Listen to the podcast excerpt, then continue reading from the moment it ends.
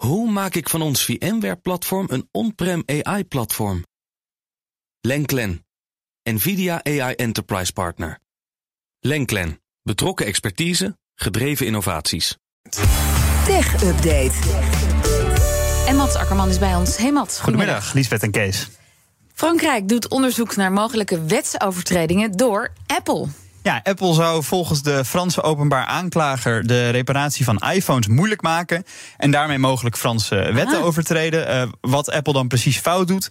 Uh, ze beperken de functionaliteit van iPhones die door reparateurs zijn voorzien van reserveonderdelen van andere bedrijven. Mm -hmm. Dus niet van Apple zelf. Uh, en in het kader van het right to repair, dus dat je recht hebt dat je iets kan laten repareren. En het streven naar een circulaire economie zou dat niet mogen. dit onderzoek loopt sinds december. Er kwam aan het rollen na een klacht van een organisatie die zich actief inzet tegen, ik heb het even uit het Frans vertaald, geplande veroudering. Oftewel dat je producten bewust een korte levensduur geeft, zodat mensen steeds maar weer nieuwe producten moeten gaan kopen van je. En Apple beperkt dus de functionaliteit, zoals dat heet. Maar kun je een concreet voorbeeld geven? Ja, het richt zich dan specifiek op het associëren van iPhones met serienummers van onderdelen. En als die onderdelen dan precies niet het goede serienummer hebben, dan werken ze opeens minder goed of zelfs helemaal niet. Terwijl het eigenlijk gewoon prima onderdelen zijn. Dus je hebt onderdeeltje A met nummertje 1 en onderdeeltje B, wat eigenlijk precies hetzelfde is met een ander nummertje, maar dat werkt dan niet. En als voorbeeld kun je dan zeggen: dan heb je bijvoorbeeld een verkeerd type scherm wat je op een iPhone zet om het te repareren. En dan werkt opeens de automatische kleurcorrectie aan het licht niet meer. Of je gezichtsherkenning doet het helemaal niet meer. Dan moet je de hele tijd je code gaan zitten invoeren. Dus okay. dan werkt die nog wel, maar wel een stuk minder fijn. En dan ga je misschien toch overwegen om sneller een nieuwe te kopen. Maar goed, dan, dan hebben ze dus wel een punt. Maar hoe kansrijk is de zaak? Nou, de, de organisatie die deze zaak tegen Apple aanspant, had eerder ook succes met een andere zaak tegen Apple.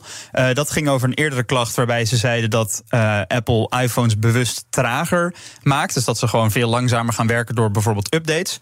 Uh, daarvoor kreeg Apple uiteindelijk een boete van 25 miljoen euro van de Franse toezichthouder. Dus ja, deze organisatie die hoopt Apple eigenlijk weer terug te kunnen fluiten en te zorgen dat iPhones beter te repareren zijn.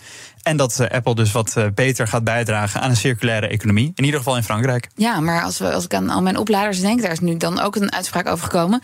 Maar dat was altijd inderdaad het punt van Apple om zoveel mogelijk verschillende opladers en onderdelen te produceren, zodat je altijd ja, ze, iets nieuws nodig hebt. Ze werken het uh, actief tegen. Maar ook de opladers heeft Europa voor ingegrepen. Volgens mij vanaf 2024 uit mijn hoofd uh, worden die ja. universeel. En dan kan Allemaal Apple niet meer zijn eigen. C, ja. ja. Precies. Dus die Lightning-oplader die ik nu nog heb liggen, die kan dan uh, de prullenbak in.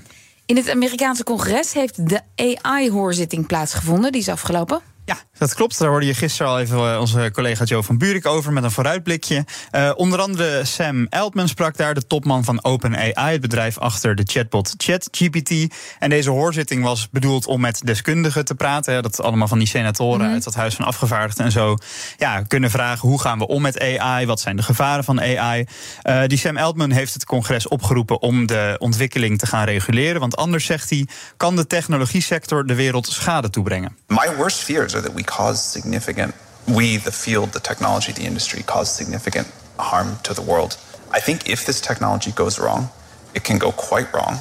Ja, en als concreet voorbeeld daarvan noemt hij dan de aankomende verkiezingen volgend jaar in de Verenigde Staten. Hij zegt de AI wordt steeds beter en dan kan het ook in zo'n verkiezingsstrijd voor slechte doeleinden ja. worden ingezet.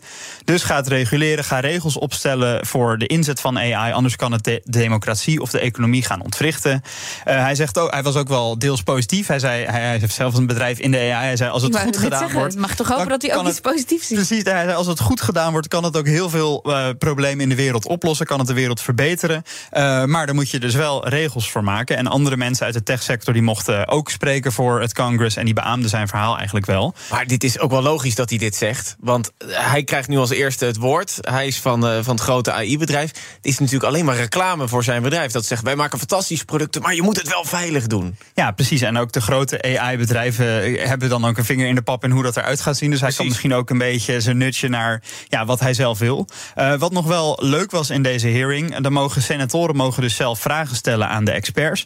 En er was wel een bijzonder moment, want luister even naar het openingsstatement van senator Richard Blumenthal. Too often we have seen what happens when technology outpaces regulation. We have seen how algorithmic biases can perpetuate discrimination and how the lack of transparency can undermine public trust. This is not the future we want. Ja, wat v- valt jullie iets op aan zijn openingsstatement? Nou, dat heeft hij vast aan ChatGPT gevraagd, of niet? En sterker nog, hij, hij spreekt niet eens zelf. Dit openingsstatement is zijn stem, gebaseerd op eerdere speeches die hij in het Congress heeft gegeven. Eh, en dat heeft zijn openingsstatement ook niet door hemzelf geschreven voorgelezen. Je kan even luisteren hoe hij echt klinkt. If you were listening from home, you might have thought that voice was mine and the words from me. But in fact, that voice was not mine. The words were not mine. Ja. Dus dat klinkt goed, hè? Dat klinkt. Wauw. Dit is, Bijna niet te onderscheiden als je niet kent. Ja, Nee. en eh, hij deed dus een openingsstatement met een stemcomputer geschreven door ChatGPT die hem nadeed. Dus dat was wel een bijzonder momentje. Dankjewel, Mats Akkerman. De BNR Tech Update wordt mede mogelijk gemaakt door Lenklen. Lenklen. Betrokken expertise, gedreven resultaten. Hoe maak ik van ons VMware-platform een on-prem AI-platform? Lenklen.